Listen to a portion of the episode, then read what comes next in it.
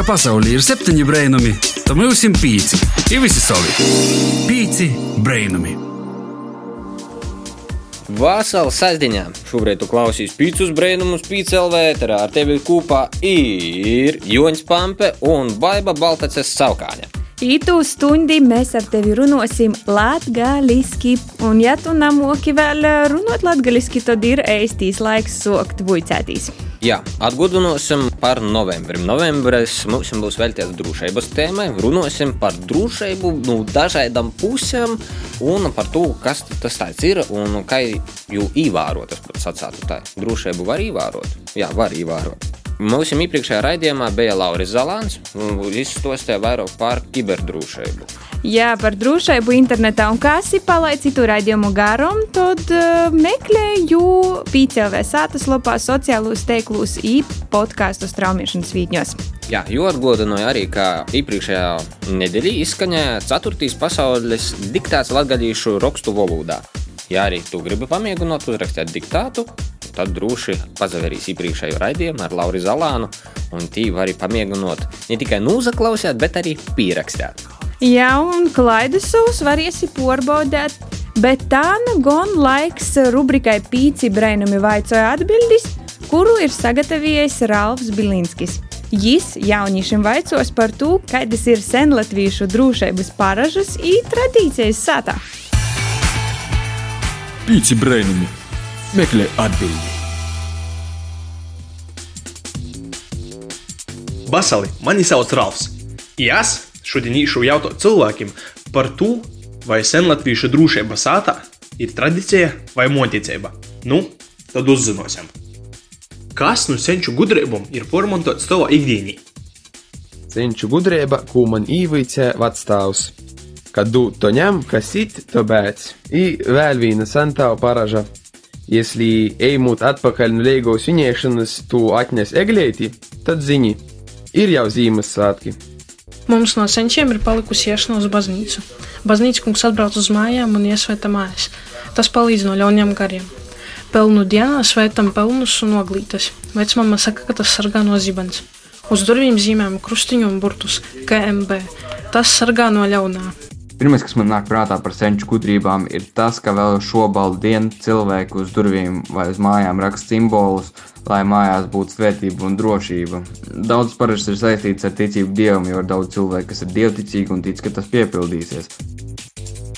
Kādas santālu paražas vai rituālus tu izmantoji, lai pasargātu sevi un savu sātu? Pīlārs zars pie durvīm atbaida raganas. Tas ir no ļaunām acīm. Agates maizīti svētam un nesam līdzi, kā arī turam ķiplokus uz palodzes, jo tas atbaida no ļaunā. Tāpat arī mājās daudz iekarina nu, tieši no pīlāču koka taisītus krustiņus, lai aizsargātu māju. Ļoti aktuāli mūsdienās ir ap roku apsiet dzīves striķīti, kas tevi aizsargās no ļauna. Vēl senāk paraži, kur varbūt nav tik aktuāli, ir ievest jaunā mājoklī kaķi kā pirmo, lai tas ievestu mājās svētību. Es itam visam neticu cik tas ir aktuāli arī mūsdienās? Es domāju, ka lielākā daļa tāpat kā es, netic tam visam. Es uzskatu, ka tā ir ticība, nevis mana ticība.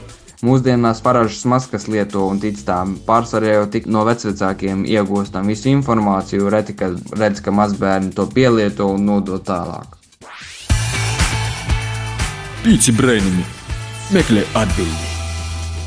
Paldies Ralfam!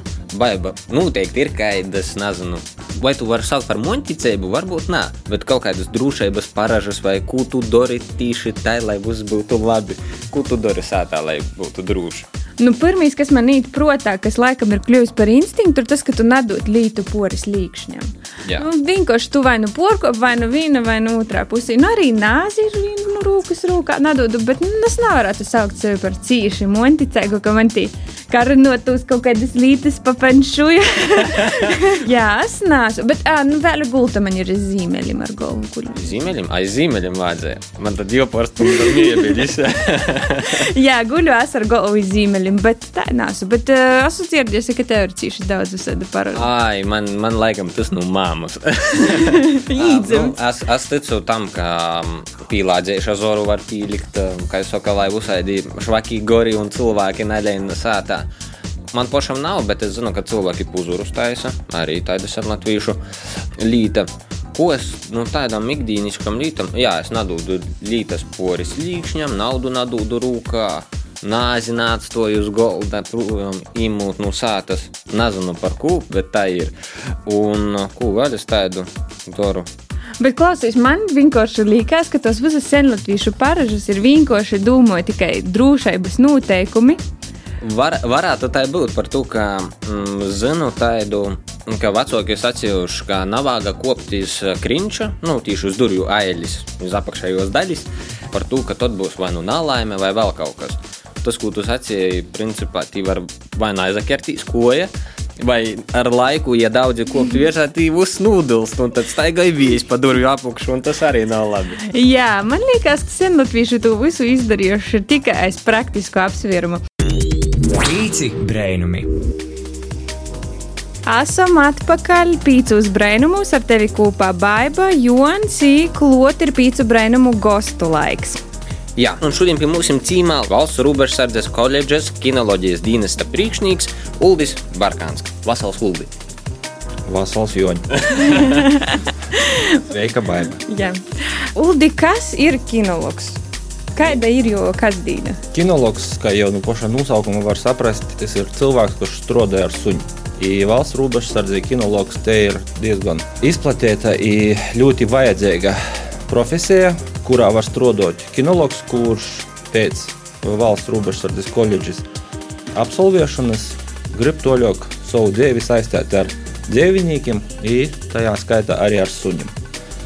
Kinologu mūsu robežsardzi ir apmēram 100 cilvēku, 100 robežsargu, kas strādāja porcelānā uz zaļos robežas, uz mūsu austrumu robežas, sorgoja ne tikai Latvijas robežu, bet arī visas Eiropas Savienības robežu, kas robežojas ar Krievijas federāciju un ar Baltkrieviju. Un tas nozīmē 100 cilvēku un cik suņu? Nu, attiecīgi katram cilvēkam viens suņš. Rezervī nav gadījumā. E, suņus. ir, ir ratos gadījumos, kad kinologs, kad, kuram jau ir vecs suns, tad es paņemu audzināšanai savu jau jaunu kucānu, sagatavoju, lai, satāsim, tā, lai, lai viņam na, naporza traucās, jo karjera, lai es varu vecu suņu jau palaist pensijai, un sākt strādāt uzreiz ar savu jaunu suņu, kurš ir sagatavots attiecīgi darbam iz robežas. Jā, bet Uldi, kāda tev atgoja tas kinologa amats? Nu, īstenībā es pēc profesijas esmu vetors. Es sāku strādāt valsts robežsardzes koledžā, ko tie vēl saucās Raizeknis robežsargu skola. Tī bija dienesta suņa audzētava, un mums pirmais omats bija saistīts tieši ar suņu orstiešanu. Bet eh, kinologa darbs būtībā sanāk 24-7. Tev ir kaut kāds laiks, kad tu esi darbā, bet suns vienmēr ir ar tevi kopā. Jā, kinologam tā ir. Dēļ to tas, es saku, darbs ir interesants, bet ļoti atbildīgs. Nav būt tā, ka tu, kā piemēram, kā parasts robežsargs vai šofers robežsardzī mašīnu nulīt, piekdienas vakarā garažā, pirmdienu reizes atīt pājām, jo visos savu darba nedēļu. Kinologam tā nesaiet, kinologs visot ir kopā ar savu suni. Ir īpaši, kad tas sajam uh, mazu kucānu, tad nu, mazs kucāns ir kā mazs bērns. Kad uh, jau vajag vest orā ik pēc divām stundām, arī naktī. I, Tas kucāns visādus nadarbus pīdara, sagrauž kurpis, sa, sagrauž sīvas telefonu, sīvas motis kastruli. Jā, i, i, dēļ to pēc to kucāna ir jāzaverās pastāvīgi. Tāpat arī kad kinologam ir atvaļinājums, tad tas suns vienalga ir liedz ar kinologu. Nav ar citam robežsargam, citam cilvēkam savu suni atstāt ilgāku laiku, dēļ to, ka tas ir nu, kinologa darba instruments. Bet uh, minēja, nu, protams, darbs uz robežas un ka kinologs saim kucānu. Kādas ir tos prasības, kādam ir jābūt tam suniešam, tam kucānam, lai ar viņu varētu uzspērt strādāt, teiksim, tā vai ir šķirņas vai kaut kādas fizikālos prasības. jā, jā. Protams, pie mums ir robežsardzība. Tāpat kā arī lielākā vairumā valsts aizsardzības īstožu, mēs atlasām tos suņus. Porcelānā pie mums strādāja divu šķirņu suņi, ir vocaitu suņs un beļģētu suņs. To šķirnis ir sevi parodījuši kā tādas diezgan universālas, ko tu vari izmantot. Jo gan pādu meklēšanai, gan dažādu vīlu meklēšanai, narkotikas, sprokstvīles. Gan arī tos suņus tu vari izmantot arī, lai nodrošinātu to, pašu robežsarga drošību. Lai, tā, lai tas suns ir liels, ir spēcīgs, jau var apmācīt arī, lai aizsargātu kinologu nepieciešamības gadījumā arī, lai varētu aizturēt kaut kādu agresīvu nozīmīgu. Bet ir vispār izmantoja arī citus šķirņu suņus, tādus kā spanielus, arī medību šķirņu suņus, visādus putnu suņus, tā toļok. Ja? Bet mēs robežsardzi izmantojam tikai tos div, divus šķirņus. Populārākos. Populārākos šķirnis. Par atlasi runājot, protams, ne, ne katrs suns var būt par dienesta suni. Apmācīt, kā es saku, var jebkuru suni, bet jautājums būs, cik tas aizņems laika, cik tas aizņems resursu, un kāds būs rezultāts. Labāk vai švakāk var apmācīt jebkuru suni, bet mums ir svarīgi, lai mēs varam apmācīt drēži, kvalitatīvi, lai pēc tam būsim tas suns strādātu tādā līmenī, kādā mums tas būtu nepieciešams. Pēc to mēs uh, veicam tādus testus. Parasti tiem suņiem, kuri dzimst pie mums, tā pie mums kinoloģijas centrā, to testu mēs veicam apmēram 2,5 līdz 3 mēnešu vecumā.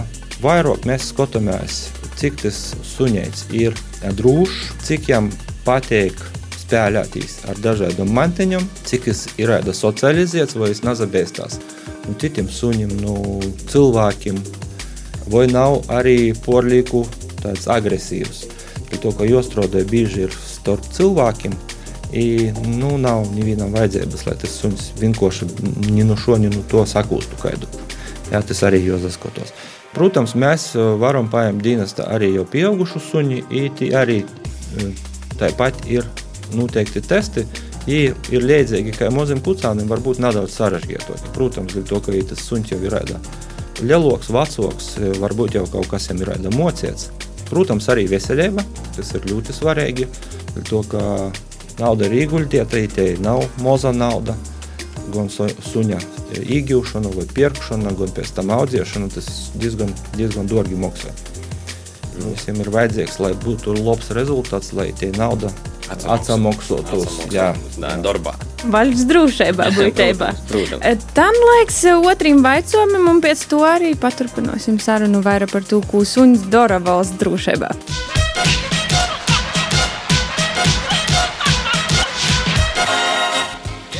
Zīma vai vasara?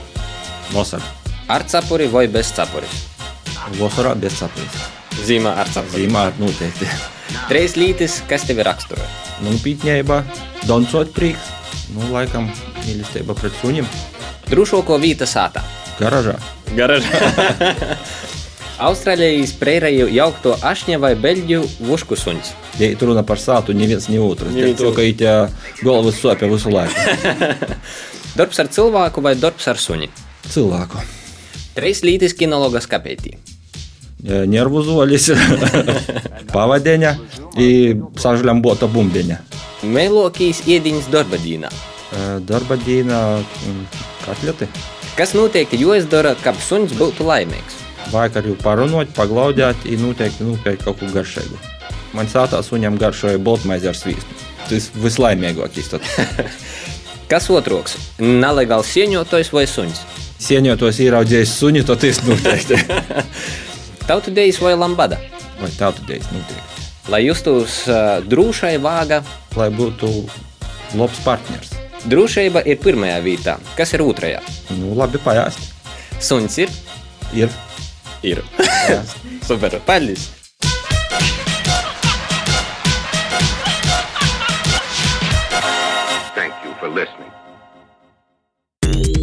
Pīci brainumi. Pazabrainosim par sevi itcitim. Jū! Mēs esam atpakaļ pīcūs brēnumus ar tevi kopā Baiba un Jons, un pie mums gastos joprojām valsts robežsardzes koledžas kinoloģijas dienesta priekšnieks Uldis Barkāns.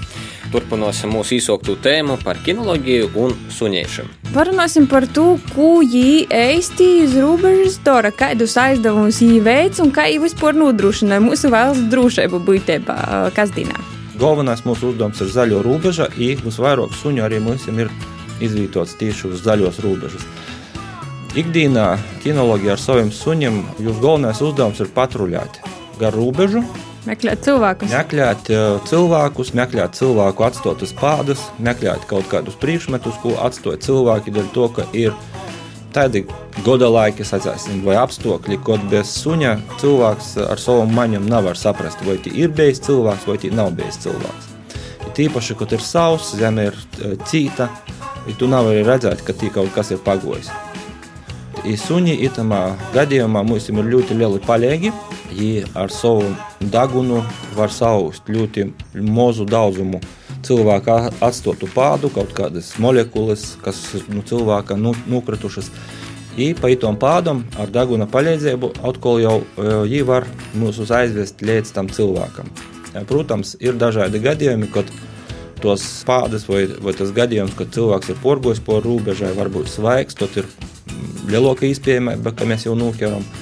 Ir gadījumi, kad cilvēks ir pagojis mm, tajā vietā, kur suns ir uzrādījis pādas, pagojis ļoti liels laiks. Tad, protams, mēs varam tikai konstatēt pašu faktu, ka ir bijis kaut kāds robežu ķersošanas uh, gadījums, bet uh, pašu porkopēji jau ir problemātiski uh, nokert, bet tādos gadījumos uzreiz iesaistos arī citi robežsargi, kas dīņai, piemēram, aviācijas porvaldī, kur ir helikopteri, tāpat tiek izlikti dažādi Slozdi. posteņi, slozdi, dājas ceļam. I tādā veidā, sadarbojoties, tad mēs varam, mums ir iespēja nokert tos porkopējus. Bet pirmais, protams, ka suņam ir jāparāda, ka tas porkopums ir bijis, un kinologam ir labi jāprot lasēt savu suņi, lai saprastu, ka suņš viņam roda, ka, ka tas ir. Jā, bet, nu, Protams, robeža aizsardzība būs ļoti nopietni, un sprāgstvīlas un uzīznīki tas ir ļoti nopietni. Bet gan jau ir bijis kāds arī kurjos uz robežas, varbūt piemiņi kādu tādu spilgtāku atgadījumu. uh, nu, kurjozu man, man pašam gudīgi sakot, nav bijis. Uh, to, ko varbūt stosta man kinologi, kas brauc no robežas, nu, tādu ļoti spilgtu dažās napastiešu, bet ir bijuši gadījumi, kad, piemēram, mums ir viena kinoloģija ar, ar suņi viena poša pa nakti goja patruļā un uh, suņš uzrodīja, ka tie ir porkopējs, ja go pa tom pādom, daži, tas bija, man liekas, rudiņa laiks, ja daži vajadzēja porpeļdēt pori nelielai upēķai. I beigu galā, ja nūkēra to porkopie, izrādījās čečenu tautības cilvēks no Krīvijas, ja jau aizturēja viena poša. Tāds, nu, tas varbūt nav kurjos gadījums, bet tāds ir varoņdarbs vairāk. Jā, tā, tā. Bet, teiksim, arī uz robežas nu, ir uzsākti kravu porvadojumi, privātī tie arī porbaudāt. Jā, tie arī strādāja mūsu, mūsu kinologi. Poršvarā, protams, uz robežas ķersošanas vītos strādāja muita.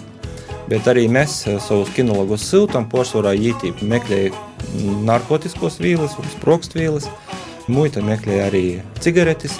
I praktiski katru dienu uz robežas ir suņi ar kinologiem. Viņi apūsta gan kravu, kravu porvadotojus, smagos mašīnas, gan arī vieglos mašīnas. Nu, orpus darba, orpus kinoloģijas, Uldi, tas ir vetors, un mēs runājam par suņiem un drošību.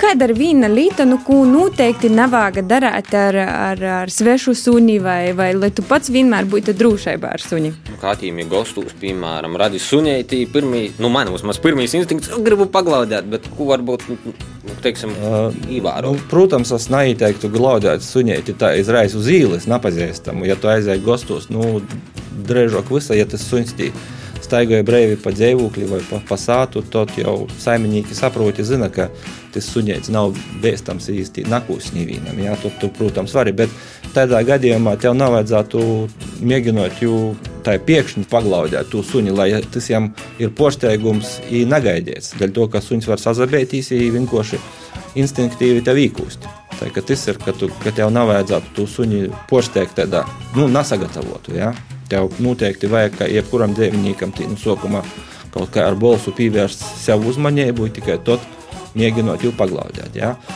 Zīles, protams, tas ir savādāk. Ir tīpaši, ja ir nepazīstami, ja ir lieli suņi, protams, vajag ar piesardzību izturēties. Ko tu varētu izsacīt cilvēkam, nu, man, piemēram, nav neviena mojdzīvnieka, ko tu varētu izsacīt vai no šķirņiem, vai uzpār ko ņemt vērā pirms, teiksim tā, īvīst mojdzīvnieku šajā gadījumā sunīti? Pirmām kārtām es tev ieteiktu nav par šķirņiem, bet es tev ieteiktu saprast, vai tu esi gatavs uzņemties atbildību. Jebkurš mojdzīvnieks te ir atbildība. Pirmam kārtam.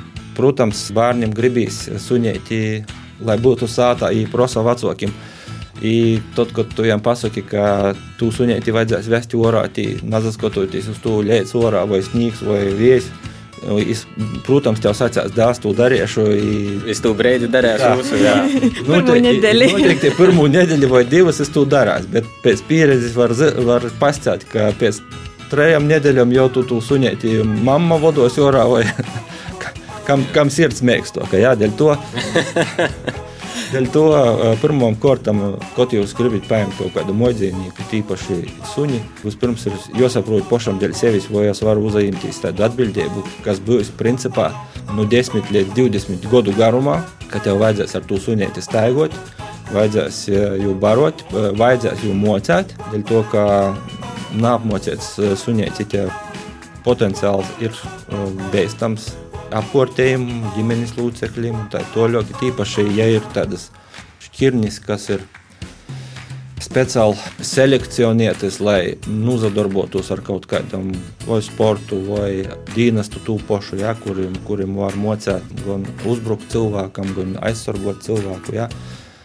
Labi, sacāsim Uldim Barkānam no valsts robežsardzes kinoloģijas dienesta Lelu Paļģis. Itumā valsts svētku nedēļā uzzinām būtībā, ka ir arī tādi mazi četri pojaini draugi, kuri sargāja mūsu drošību katru dienu iz valsts robežas.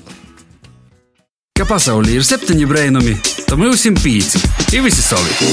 Pīci brainami. Pīci brainami atpakaļ ēterā Ar tevi kopā Joņš, Baiba par drošību pārunāvam. Zinām, ko dara kinologs, zinām, ko dara kinologa suns un ko viņi dara kopā. Bet uh, mums tādien ir laiks rubrikai Kaitis strādāja, kurā mēs vienmēr izdomājam kaut ko jaunu un kaut ko porbaudām vai pat eksperimentējam. Tā kā ir socijas gada timsīs laiks, kad lielāko daļu dienas pavadām naktī, Nidīnā. Sinti Augustovā dūsīs izlūkūs īporbaudēs, kā nosot aststarotojus, kā vispār padarāt sevi redzamu iz ceļa.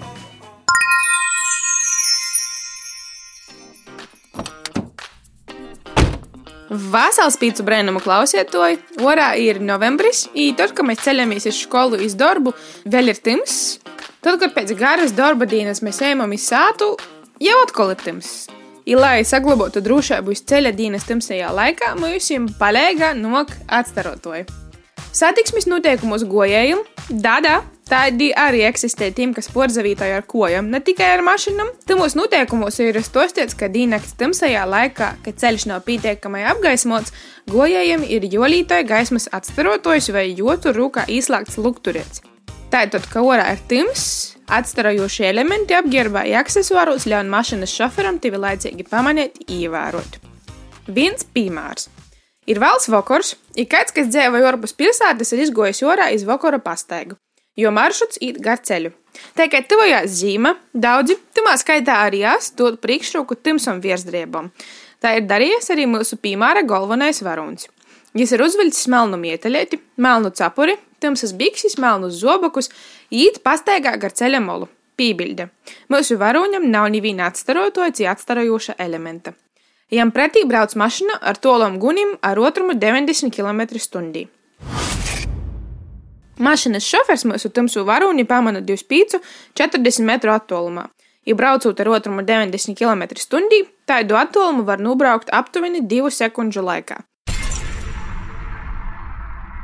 Tieši tādā laikā, aba divos sekundos, es varu pasciet vārdu savienojumu šaurslīžu dzelzceļš. Vai to laiku, protams, ka mašīnas vadītājiem ir gandrīz vai neizpējams pamanīt tam sūgojēju, nūrēģēt uz to, ka es vispār ceļā ir, jābraukt jām apkort. Vai tev bieži sajūt nes, kur braukt ar mašīnu, riteņi vai īt kojam pa ceļu tamsajā dienas laikā? Tā kā ar mašīnu braukoju gandrīz katru dienu, sajūt diezgan bieži. Man diezgan bieži sanāk pastaigāties vakaros, un arī dažreiz es braukāju vakarā ar riteni. Vai braucot vai staigājot, esi manījis cilvēkus, kas dienas tamsajā laikā nenosoju atstarotojus? Diezgan regulāri, ja tos cilvēkus bēgiši vakar uz ceļa. tādus cilvēkus redzu katru dienu, un viņu ir daudz. Vai tu pats dienas tamsajā laikā neskurējot vai braucot ar ritiņu nosēji atstarotoju? Es nevalkoju nekādus atcerošos elementus par to, ka es tā daru diezgan rētāji, kad es eju staigoju pa kaut kādam apgaismotam vītam, bet uh, vienalga uzskatu, ka tas nav pareizi. Par to, ka citur aizi pat pie apgaismotas ielas neredzu, tie ir viena no īpašībām, kuros gribētu sevi izmaiņot, iegodoties kaut kādu atstarotoju. Kad teju vakarā pastaigāties, es izmantoju atstarotāju. Parasti atstarotais man ir piestiprināts vai pie somiņas, vai pie mugursomas. Esmu sazinājusi ar CZD sabiedrisko attīstību daļas speciālisti Ievu Bērziņu, lai uzzinātu, ko vairāk par atstarotojumu, tū lītošanu un drošību īsceļa. Kā zināms, velosipēdisti tāpat kā transporta līdzekļi pārvietojas vienā virzienā, savukārt gājējiem ir jāiet pretī transporta līdzekļu plūsmai. Tātad skaidri ir jāzina katram satiksmes dalībniekam, kur ir viņa vieta ceļa satiksmē.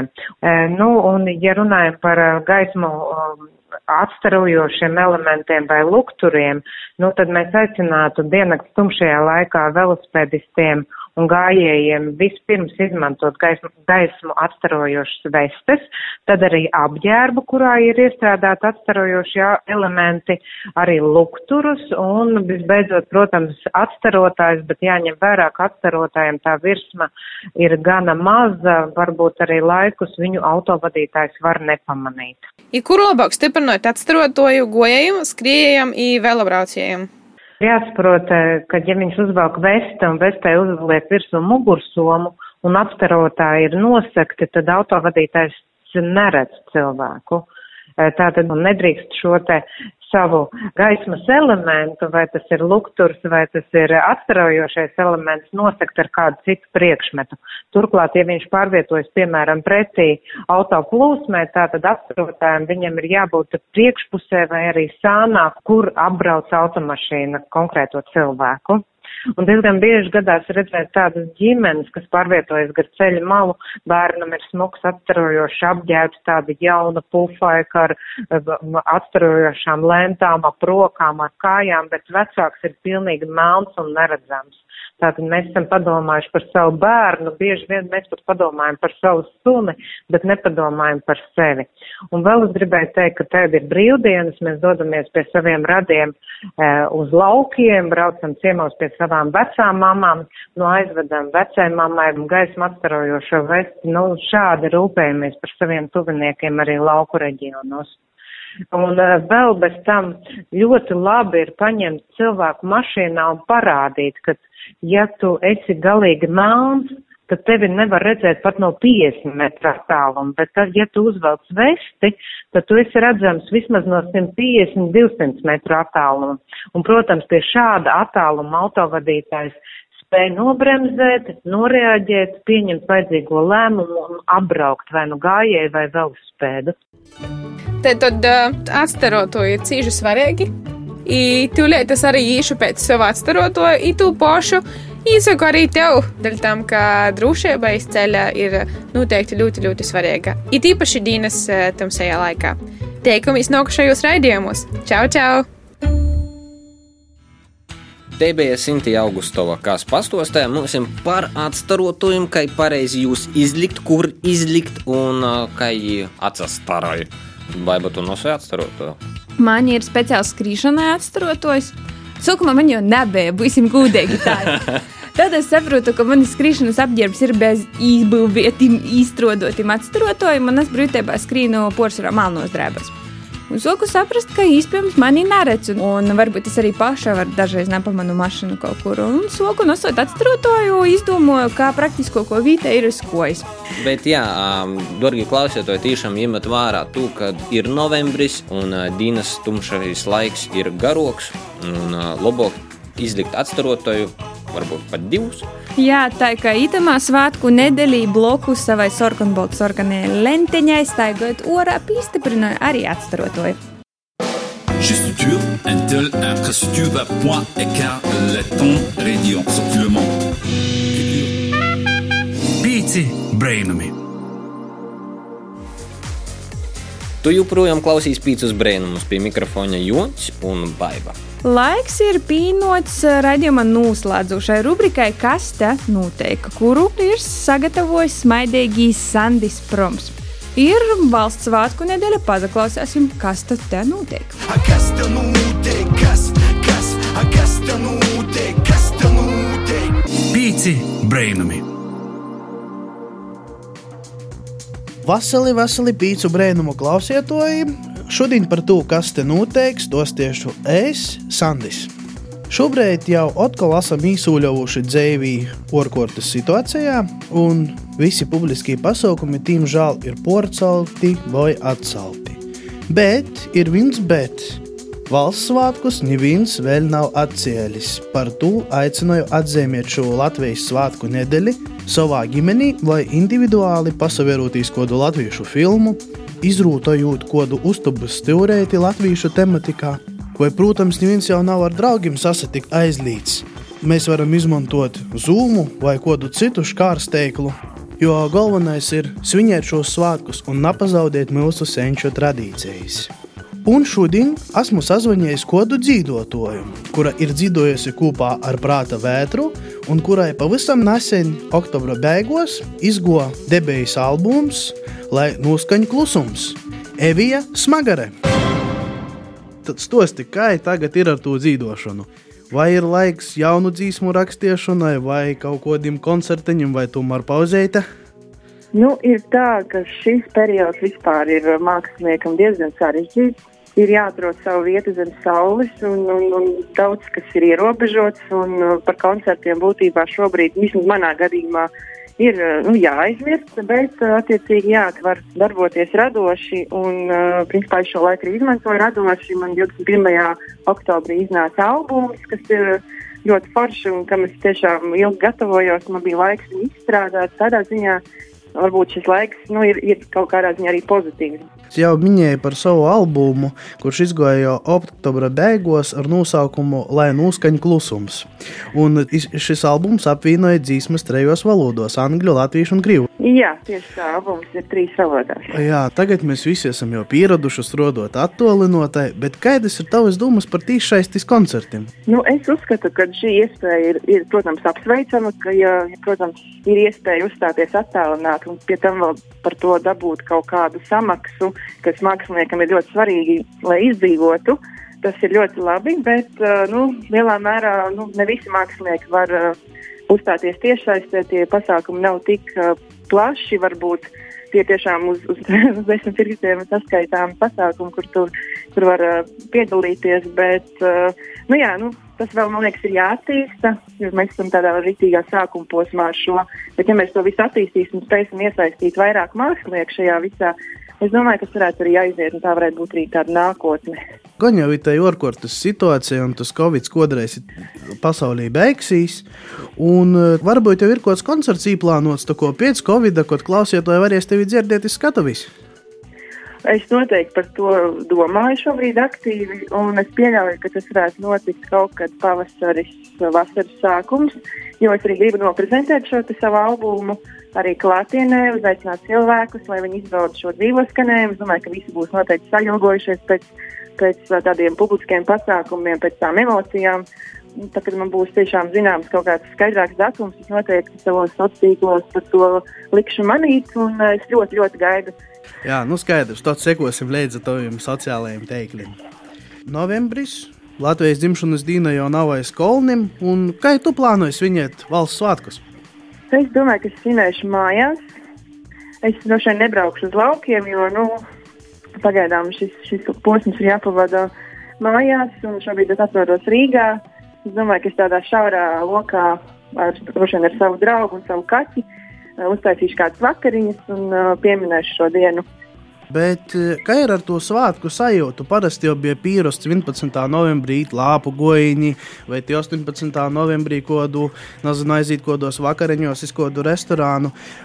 Kā tu rodi svētku sajūtu itamā nacīšu varbūt pateikamajā laikā? Uh, nu, piemēram, tad, kad bija 11. novembris, Es arī biju mājās, bet man um, ļoti patika šī iespēja, ka varēju noskatīties uh, televīzijā dvēseli puteni. Un man liekas, ka šīs te televīzijas pārraides un vispār mūzika, latviešu mūzika, tā arī ir tā, kas rada šo svētku sajūtu. Un noteikti jāiet uz kādu svecīti. Noteikti varbūt ir kaut kas jāpalasa par šo, te, šiem te datumiem svarīgajiem, jo īstenībā nu, tas posms bija ļoti smags un mums vismaz ir jāpriecājās, ka mēs uh, šobrīd esam varbūt arī ne tajā pašā labākajā situācijā, bet mēs tomēr esam brīvi, brīva valsts un par, to, par to vien ir jāpateicas. Paldies liels tev, Evī, par sarunu, un lai tev jauki un izdevušies svētki. Un arī jums, darbie klausītāji, novēlu nosvinēt šos svētkus gūdam, un, protams, sargosim sevi un citus. Un uz tikšanos! Kopā ar jums bija Sandis. A kas tev notiek?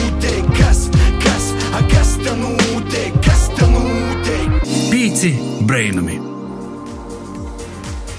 Paldies Sandim!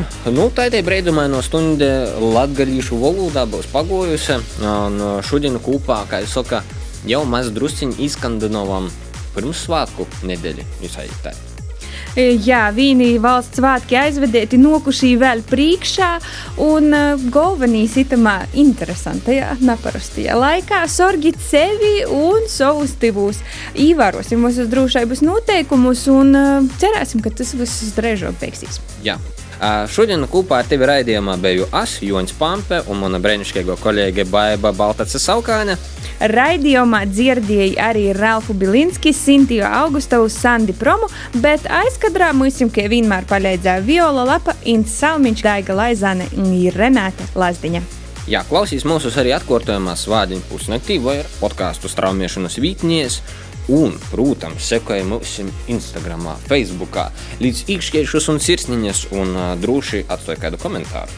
Lai tev foršas atlikušos brīvdiņas, atā! Čau! Ko gaidi no dabasim brainuma? Pats esi brainums! Pīci brainumi!